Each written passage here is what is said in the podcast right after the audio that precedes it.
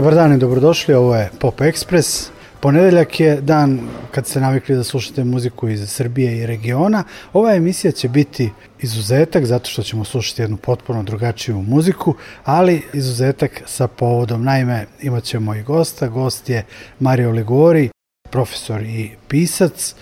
Vrlo dobro ga zna naša šira publika. On je nedavno objavio svoju jubilarnu desetu knjigu, pričat ćemo o toj knjizi, a muzika koju slušamo danas u Pop Expressu je na neki način soundtrack tih godina o kojima Mario piše u knjizi Via Aquarosa. Via Aquarosa, jedna ulica u njegovom rodnom mestu Sarnu i o tome ćemo detaljnije pričati, a ovo što smo na početku čuli bila je pesma Filji de Stelle. Alan Sorrenti je izvođač, pesma je iz 1977. godine, snimljena između Italije i Kalifornije. Zanimljivo je da je ovaj gitarski riff stvorio i da je producent pesme bio Jay Gardon, koji je bio i producent Barbara Streisand, Diana Ross, Marvina Gea, da je tu svirao basista grupe Toto i tako, to su neki zanimljivi podaci. Ja sad tu puno pričam i odlačim pažnju, umjesto da odmah na početku, kako je i red, pozdravim mog gosta. Mario, dobar dan dan i dobrodošao u Pop Express. Hvala, boleti naš. Ti si odabrao osam pesama koje ćemo čuti u ovoj emisiji i rekao si da su to pesme, kad smo se dogovarali da su to pesme koje su u 80. godinama bile slušane. To nisu tvoje najomiljenije pesme iz tog perioda, ali su pesme koje su bile slušane, koje, koje si ti slušao kao dete i tako dalje. I krenuli smo sa pesmom koja nije, jedinom koja nije nastala 80-ih, već 77.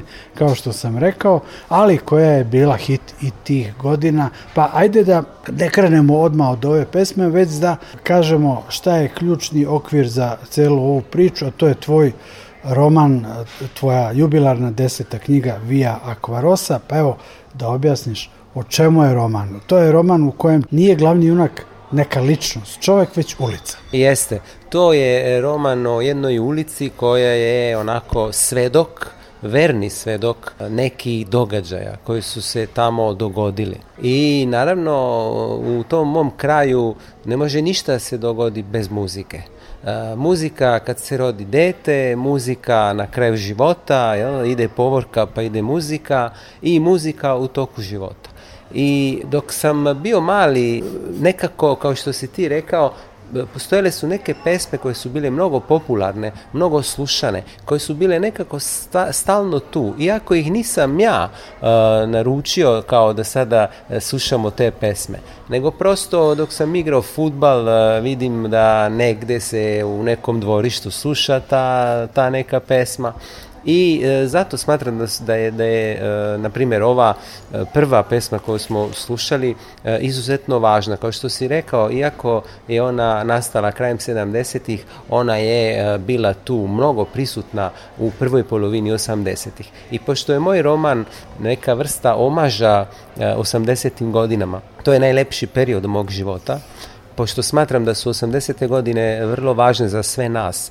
za neke koji su rođeni 80-ih za one koji su rođeni možda 70-ih, a proveli su 80. godine kad su bili mali. Tako za one koji su tad bili mladi, e, i to važi možda za Jugoslaviju, na primjer, eh, a važi i za Italiju. Eh, tada smo mi mislili da imamo neku perspektivu, tada smo mi mislili da nek, na neki način svet ide dalje, da imamo stabilnost, da imamo posao koji nas čeka posle studija, da nemamo neke preterane probleme u životu, svako je mogao da ide na odmor i da se dugo e, zadrži tu i, i, zbog toga e, na neki način te 80. godine su ostale kao najvažnije godine, to je najvažnija decenja u mom životu iz anagrafskih razloga, ali i zbog svih iskustava tog, tog života i, i tog mog detinjstva. Zbog toga sam e, na neki način hteo da eh, istaknem taj element eh, one decenije koja prethodi nekim velikim promjenama onda u našim društvima. I kao što smo rekli, to možda važi i za Jugoslaviju, to sigurno važi i za Jugoslaviju, jer već krajem 80-ih je situacija postala teža, pa onda su stigle 90 a u Italiji e, e, se također dogodilo nešto na početku 90-ih. To nije rat, nego manipulite, to je velika istraga koja je e, počistila malo tu sve te političare koji su do tad bili glavni i poslije pada Berlinskog zida i u toj novoj atmosferi došle su neke velike promjene i poslije toga je onda tada u stvari došao Berlusconi na vlast. Pa je to je otvaranje jedne nove decenije, a jedne nove faze u životu Italije. Dobro, Mario, evo da čujemo i drugu pesmu na ovoj tvojoj listi, to je poznat hit i nama ovde u Srbiji i na prostorima Jugoslavije, Do You Really Want To Hurt Me, 82. godina, Culture Club Boy George.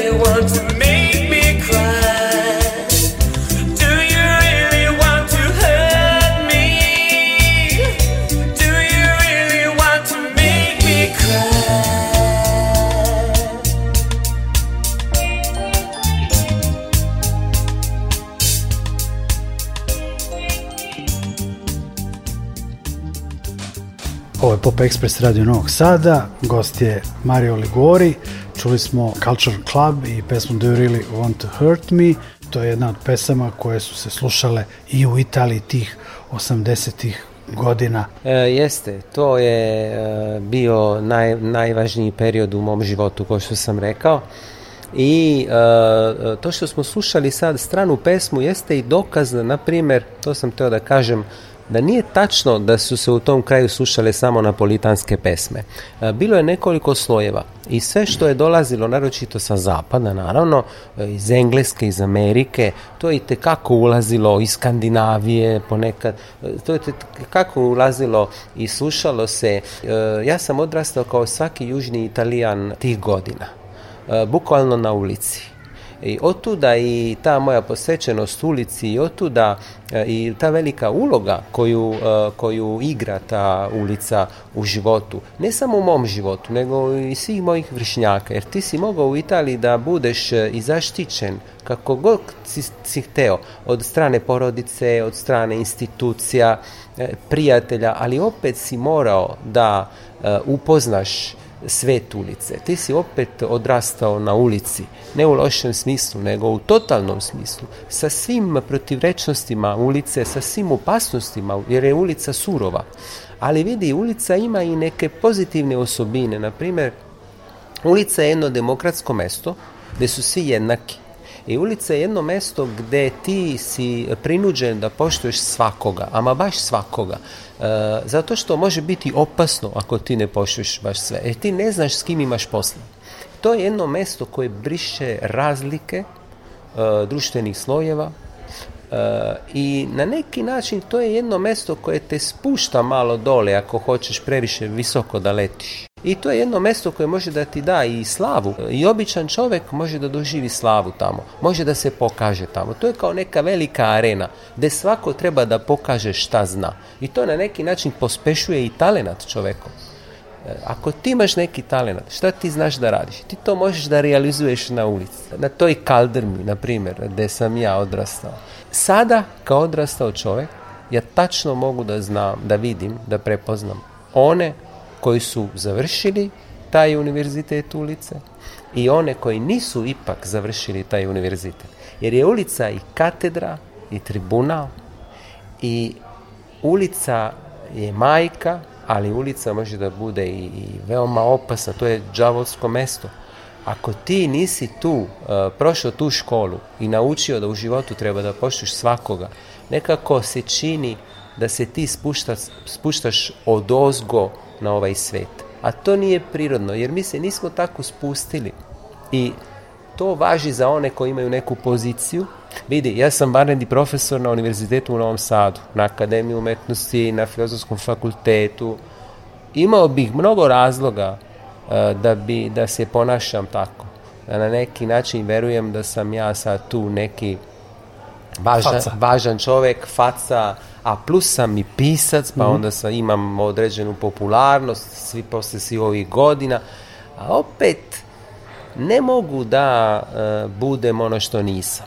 Ja sam čovjek iz naroda u pozitivnom smislu i čovjek koji je video mnogo toga lepog, a boga mi i neke loše strane. Ti znaš da u prethodnom romanu Samoubistvo ja sam ispričao jednu strašnu priču koja također ima veze sa našim krajem, sa ulicom i sa nekim istinama koje su oko nas i koje mi ne možemo da izbegnemo, a smatram da svaki pisac ima odgovornost da upozori društvo i da kaže vidite, to je ono što bi moglo da se dogodi. Da, ulica ima dakle svoje zakone. Čini mi se da na Mediteranu Ulica je jedna pozornica života više nego u severnijim krajevima. Logično je to i zato što je klima eh, zgodnija da se na ulici bude ceo dan i u raznim godišnjim dobima, na severu zimi bude hladno i tako dalje. Ima i felini, onaj film La Strada i tako dalje. Jeste, a, a osim toga ću ti reći da ja sam dao definiciju. Eh, ono što je Srbinu kafana, na politancu je ulica. Svi su na polju. Svi su e, pod vedrim nebom uglavnom. A pokušavaju da budu na polju čak i kada pada kiša. A ovde na Balkanu ili u Skandinaviji da sam ja inače živeo, e, traži se e, unutrašnje mesto, recimo mi ovdje idemo na slavu, a teško je u Napolju da ti vidiš nečiju e, dnevnu sobu. Ne postoji ta navika da sada se ljudi toliko dugo okupljaju unutra. Zato što je uglavnom lepo vreme, uglavnom ljudi su napolju i onda unutra je e, samo za porodicu, samo za tebe. To je neka unutrašnja sfera u kojoj su samo članovi porodice i ponekad i neki dobar prijatelj koji mora zaista biti dobar, dobar prijatelj. Zanimljivo. Evo, slušamo u nastavku Pop Expressa Franka Batjata i pesmu, ja sam to preveo uz pomoć Google translate Stalni centar gravitacije. Meni ta pesma zanimljiva, on tu pominje neke makedonske švercere, pa onda ne volim ruske horove, kaže i tako. Franko Batjata. Una vecchia bretone con un cappello, un ombrello di carta di dolce canna di bambù.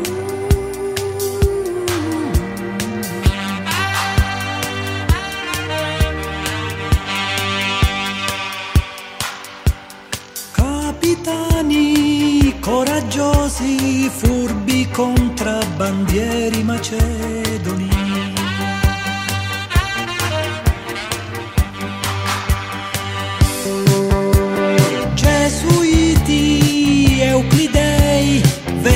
vestiti come dei bonzi per entrare a corte degli imperatori della dinastia dei Ming.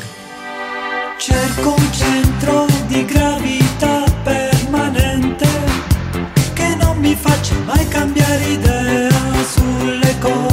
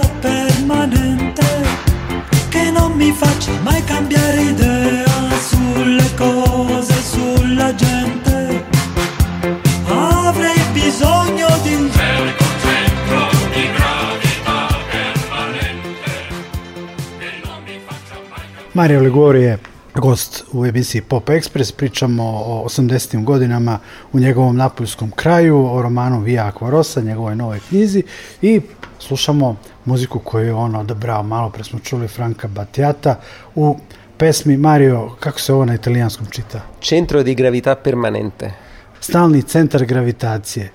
Mario inače bio gost u ovoj emisiji 2014. godine u oktobru. To je bio, bila emisija Pop Express Plus i imali smo tada rubriku koja se zvala Pusto ostrvo i Mario je odabrao bio pet pesama, tada smo imali takvu praksu da gost bira pet pesama i onda pričamo o tim pesmama, tako da Mario nije prvi put u nekoj muzičkoj emisiji Radio Novog Sada i nije prvi put u Pop Expressu.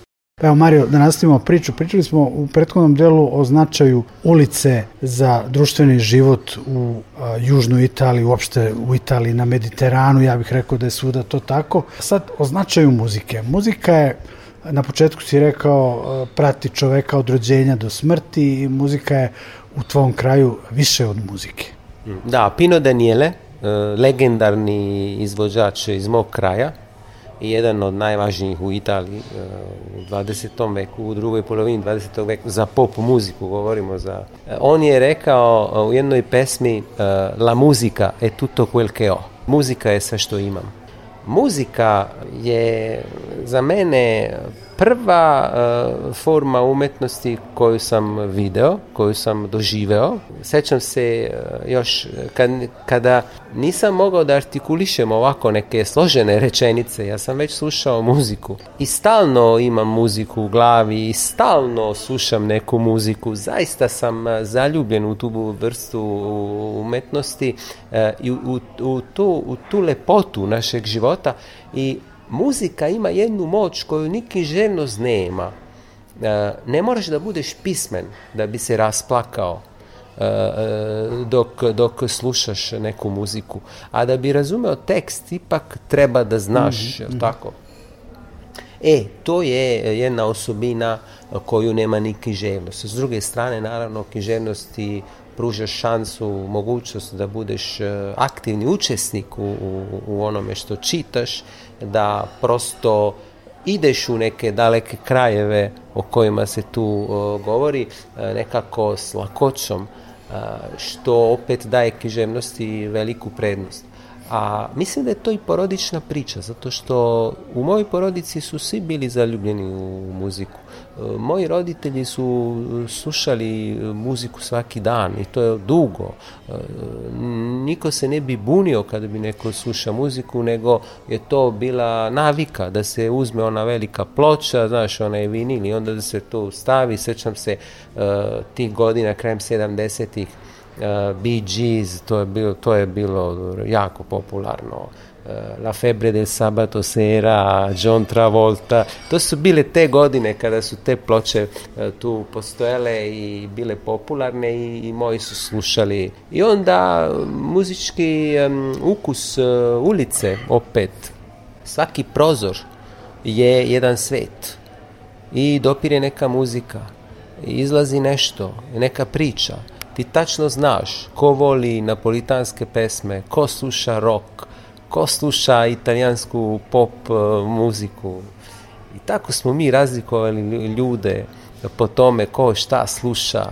Eh, I onda u jednom trenutku eh, kad, više pri kraju 80-ih kad sam došao do, do 12. 13. godine, 14. godine života. E onda tad Eh, bi se govorilo a on je seljak, on sluša samo napolitanske pesme ovaj je emancipo, on je bio u inostranstvu pa donio neke ploče onda su se pojavili CD-ovi ja mislim da je baš prvi CD bio Brothers in da je Straits 85. i eh, ti znaš da ja volim eh, da je Straits, da, je to moja omiljena grupa Ma da je ta ljubav kasnije stigla ali opet e, imao sam neverovatnu kolekciju i, i dan danas imam e, mnogo, mnogo ploča i CD-ova, imam Eh, jednu sobu koja je puna, ne znam tačno koliko ima, ali eh, nekoliko stotina CD-ova sigurno i ploča još sam nasledio od, od, od porodice i to je nešto što volim, naročito ploče sam voleo, one su veće, imaju te fotografije, te onako ponekad mistične fotografije, ponekad neka lica, eh, izuzetno zanimljivo, ta neka forma koja upotpunjuje suštinu, jer ti znaš ko peva, kako izgleda e, ta osoba, kako izgleda ta grupa. Onda se sećam onih grupa 70-ih još e, i hard rock i, bilo je tu svega i svačega. Od Genesisa do, do hard rocka, možda do Led Zeppelina, Deep Purple. Mislim, bilo je zaista svega i svačega siguran sam da u toj kolekciji negde imaš i Simple Minds i njihov najveći hit Don't You Forget About Me.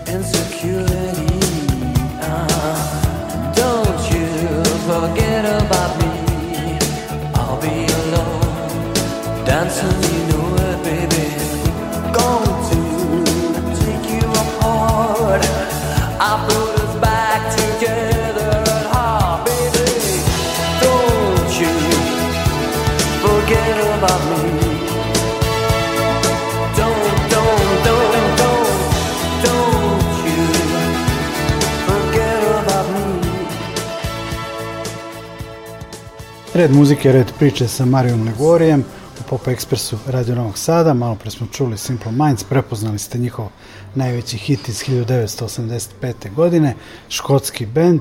Mario, nama je tih godina jako mnogo značio MTV. Da li ste vi u Italiji imali priliku da, da ono, gledate MTV, vi iz tog kraja? Jeste, e, sećam se u drugoj polovini 80-ih naročito mhm. i Money for Nothing, na primjer. To je mhm. ono što mhm. sam gledao, to je pesma i posvećena e, ovako delimično. Pominje MTV. i cela priča je divna, e, kako je nastala pesma, kako je izgledao taj lik, osjećaj da pesma može da sadrži sve. To je nešto što je već objasnio Bob Dylan svojim radom. Sve može da uđe u pesmu i sve može, na primjer, da uđe u književnost. Nije ni književnost priča o književnosti. Književnost sadrži život. Ja sam zainteresovan za život. Ne privlači me toliko književnost kao takva, kao književnost kao književnost, nego književnost kao sadržatelj, kao Uh, nešto što sadrži i ono što se dešava taksisti na ulici, ono što se dešava na pijaci, u autobusu, a što da ne, uh, na, na sudu, na univerzitetu, uh, u sobi neke osobe, nekog filozofa ili nekog pisca. E, u tom pogledu me to zanima.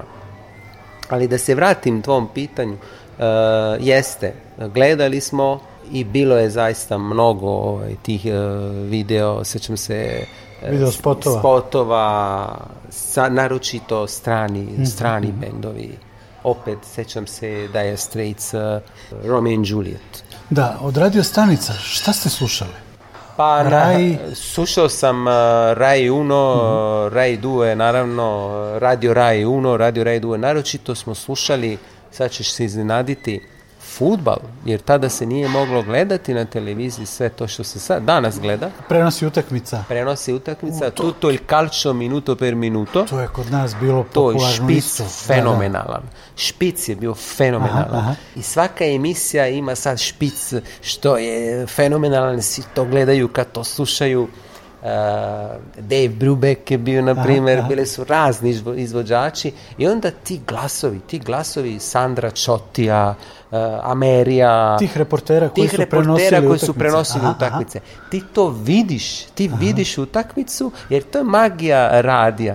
Eh, radio, na, na radiju eh, tišina je smrt. Mhm, mhm, nemaš ti sad ništa da gledaš, sve to treba da pričaš i kako su ovi ispričali divno, onaj Sandro Čoti, promuhli glas, on je bio fantastičan fantastičan novinar i čovjek strašne opšte kulture. E, to smo slušali. A što se tiče muzike, pa naravno e, pre, e, pre nego što su nastali, nastale sve te privatne stanice je Radio Raj glavni radio za naročito i za kulturne emisije mhm, onda mhm. u veče ili poslijepodne i sjećam se da je Berberin u mojoj ulici stalno slušao radio on je živeo za to, za tu muziku, za futbalski mhm. klub Napoli mhm. i za Maradonu i za radio, suša radio Raj, ceo dan tu ide, ide program i ja kao mali, hteo to ili ne, uh, upijao sam te, te, uh, tu muziku, te reći E, znaš kako to izgleda? Uh, kod Berberina to je izrazito muški svet.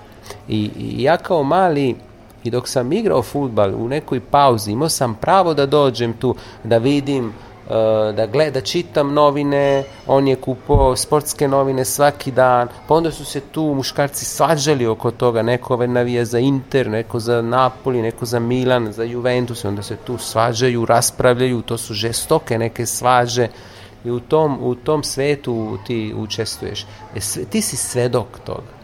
S druge strane, kod bake, e, moja baka je imala prodavnicu suhomesnatih proizvoda. To je bio izrazito ženski svet. E, ta ženska mudrost, a žene su, kako bih rekao, bile čak i šture u nečemu. Rezervisane, a mudre. Imale su, ja sam stekao utisak da su one morale da trpe nekako nekako, da, nekako da trpe te budale, ako tako hoćemo da ih de definišemo, koji su... Koji su uh, tu veliku decu. Tu veliku decu, da. Jer u muškim pričama, znaš, to su preterivanja, to su sve one gluposti uh, koje su samo muške, uh, a žene ne. Žene su zaista dramatična bića. Postoje stvari koje muškarac do kraja života neće shvatiti, koje su ženama veoma jasne od početka i mi to moramo priznati. E, žena je zaista jedno sjajno stvorenje i mi, mi nismo, nismo postigli taj stepen e, svesti, e, taj stepen mudrosti u stvari, zrelosti ja bih rekao, koji je prepoznatljiv kod žena. Da se okrenemo u muzici i nekim zanimljivim pesmama koje si ti odabrao, Domenica Bestiale, Fabio Concato. E sad, on u toj pesmi peva da će Dragu da odvede na jezero i da će onda da zamišljaju da su na moru. To je sever Italije, tamo oko Milana. Koliko sam shvatio, zverska nedelja. Nedeljom su se igrale te futbolske utakmice i bili su prenosi. Vi ste u Italiji kao deca slušali prenose vašeg prvenstva, mi smo u Jugoslaviji slušali prenose našeg prvenstva i to je nezaboravan doživljaj za sve nas. adaptadas, Sr.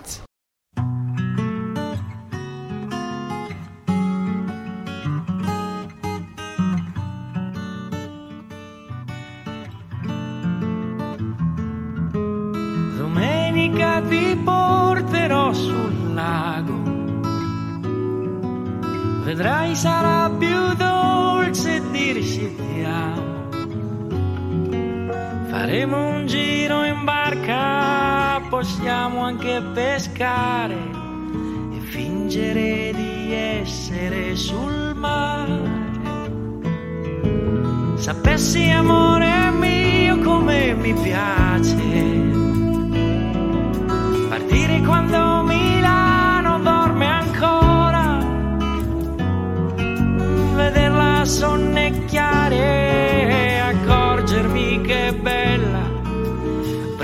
cominci a correre ad urlare.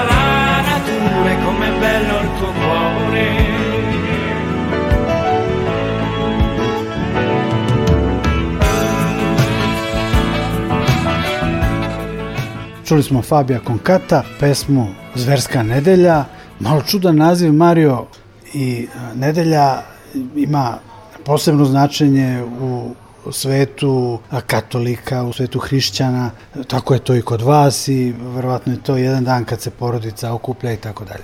Jeste, e, i ja sam i izabrao tu pesmu zato što bi trebalo da se pitamo kakve su nedelje na tom Mediteranu. Znaš, ne postoji samo jedan jedini Mediteran. Ja sam u svom životu, u dosadašnjem radu u Srbiji, e, nastojao da ističem neke aspekte Mediterana koji nisu baš e, popularni u Jugoslaviji, u Srbiji, u bivšoj Jugoslaviji pa i u Srbiji. Primjera radi. Misliš neke loše aspekte? Ne, neke posebne aspekte. Mm -hmm. Naprimjer, svi mi mislimo, kad mislimo na Mediteran, mi mislimo na more ali kako izgleda unutrašnjost Mediterana. I u svojim knjigama mnogo sam se bavio tim aspektima. Bavio sam se time da je Mediteranac okrenut ka unutrašnjosti i da ta unutrašnjost je jedna velika snaga e, mediteranska koju mi ovdje na Balkanu zanemarujemo. Druga stvar, noć na Mediteranu. Kako izgleda taj noćni Mediteran? Jer uz Mediteran ide sunce, ide more, ide vedro nebo. Ali šta se dešava noću na Mediteranu? To isto treba istražiti, to isto imaš u mojim knjigama. Kada bi neko sad uzeo moje stvaralaštvo, on bi tu mogao da pronađe mnogo toga o tim aspektima, problemima o kojima se malo govori. I nedelja na Mediteranu je jedan od tih aspekata. Jer vidi, nedelja je kao neki bonus na Mediteranu, mhm. na mom Mediteranu. Evo, još jedan aspekt je da nema samo jedan jedini Mediteran, nego zavisi gdje si. U kampaniji na Tirenskom moru, u mom kraju, taj Mediteran je bio takav. mm Nedelja na neki način poništava pravila radne nedelje. Tokom sednice dok se radi postoji jedan svet, a nedeljom, e, to je nešto, nešto novo, to je neka druga priča. To bi neko mogao da kaže, pa čekaj, to je i kod nas. Izlazimo mi petkom i subotom, vikend je drugačije, osjeća se ta... Da, ali vidi, u Italiji, kad sam ja bio mali, a i sada, subota je radni dan. Ja sam subotom išao u školu. I možeš sad da razumeš, kad ti od tog vikenda imaš samo nedelju, pa to je kao kad ti Deset sati nisi mogao da dođeš do čaše vode. E sad kad dobiješ tu vodu, ti to piješ, znaš kako, popiješ odjednom. E, isto ta nedelja je kod nas takva. Drugo, nedelja je dan kada se drugačije jede, a to bi moglo da važi i za druge prostore, da, ali nedelja je i dan u kojem se događaju uvek neke neka zlodela, neke, neka neprijatna iznenađenja, e, neko puca, neko, neko se napio pa nekoga hoće da, da bije, eh, neko pravi neku glupost, neko vozi neki motor koji tokom nedelje ne vozi. Dakle, ta nedelja, ja bih rekao, eto, mogli bismo da, da rezimiramo ono što sam rekao pod sloganom ekstremno. To je sve bilo ekstremno. Kako se jelo, kako se pilo, kako su se ljudi ponašali, kako e, je izgledao svet, ono što sam e, napisao i u prethodnom romanu, će to naći, buljuk ispred barova. To sam ja tako definisao. Buljuk ispred barova. E to si mogao da vidiš nedeljom. Ako je neko, nekome nešto zamerao tokom nedelje, konačni obračun, pravi obračun će biti u nedelju. Ali u nedelju će i lepotice izlaziti i one će e, tako prolaziti i taj muški svet ispred barova će gledati te lepotice i onda neko kaže, u vidi to, to je divna devojka, vidi, a neko bi komentarisao, a to je slika iz daleka. Sjećam se definicije quadrilontanans, to je slika iz daleka. Iz daleka izgleda nešto, a zbliza nije ništa, to otprilike. Sjajno. Sljedeća pesma koju slušamo je Ridere di te Vasco Rossi 1987. godina. Smejati se tebi.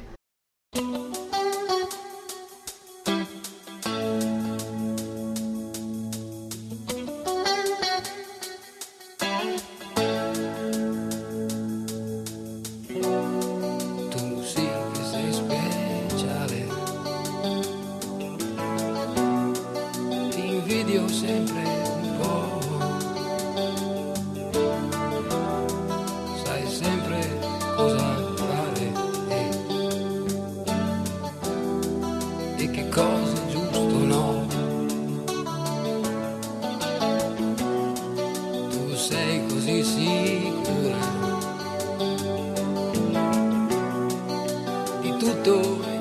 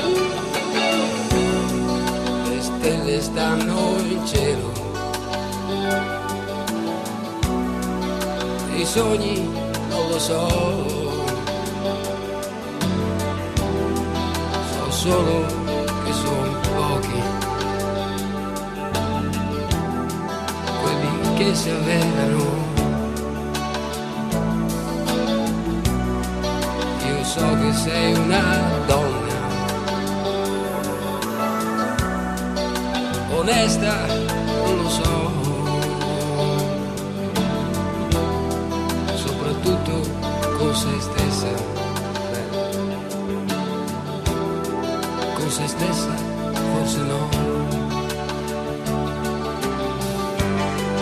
Lascia stare che qualche anno in più, meno male che sei convinta tu. Io sto uguale, adesso penso che chissà quante volte hai riso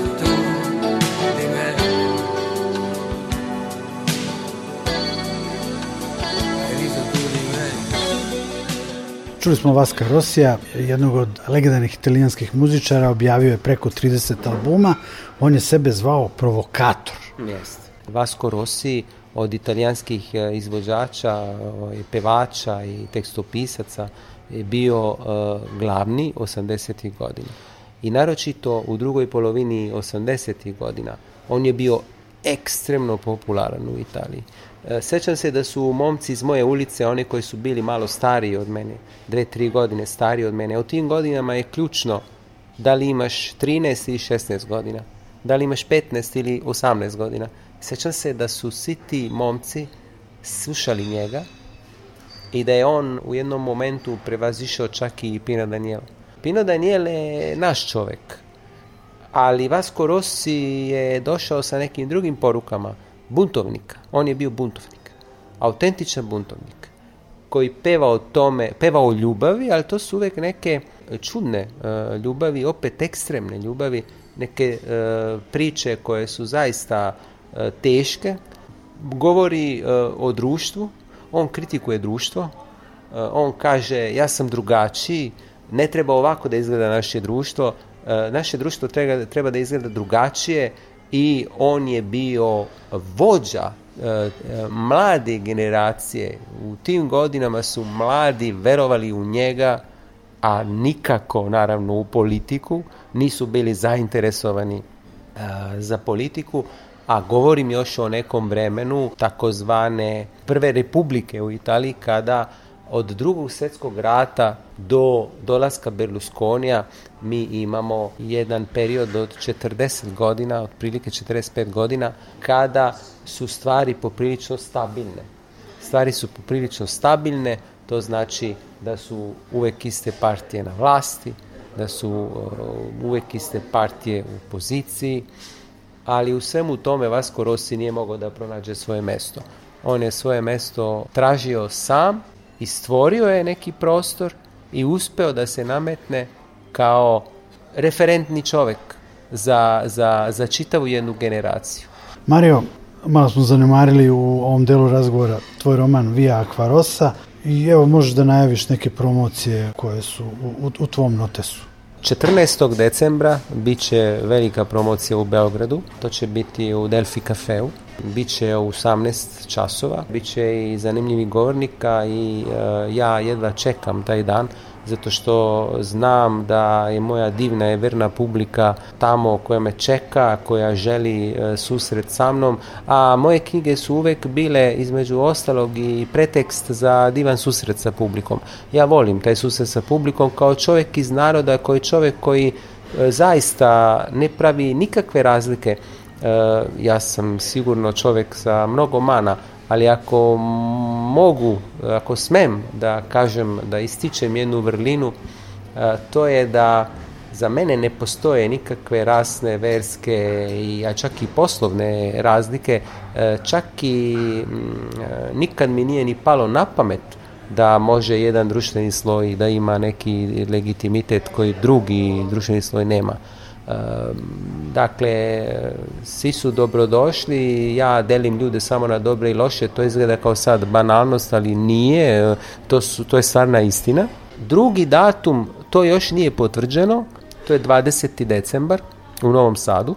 E, na Filozofskom fakultetu imamo divno kino salu i to bi bila prva novosadska promocija novog romana. Hvala ti Mario, za kraj Pop Expressa slušamo grupu Vem, odnosno Georgea Michaela i veliki hit Careless Whisper iz 84. godine.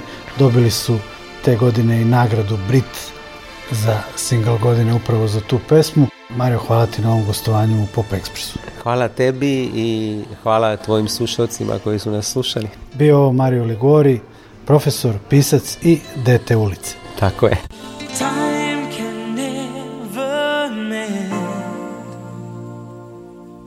The careless whispers of a good friend to the heart and mind. Ignorance is kind, but there's no comfort in the truth. Pain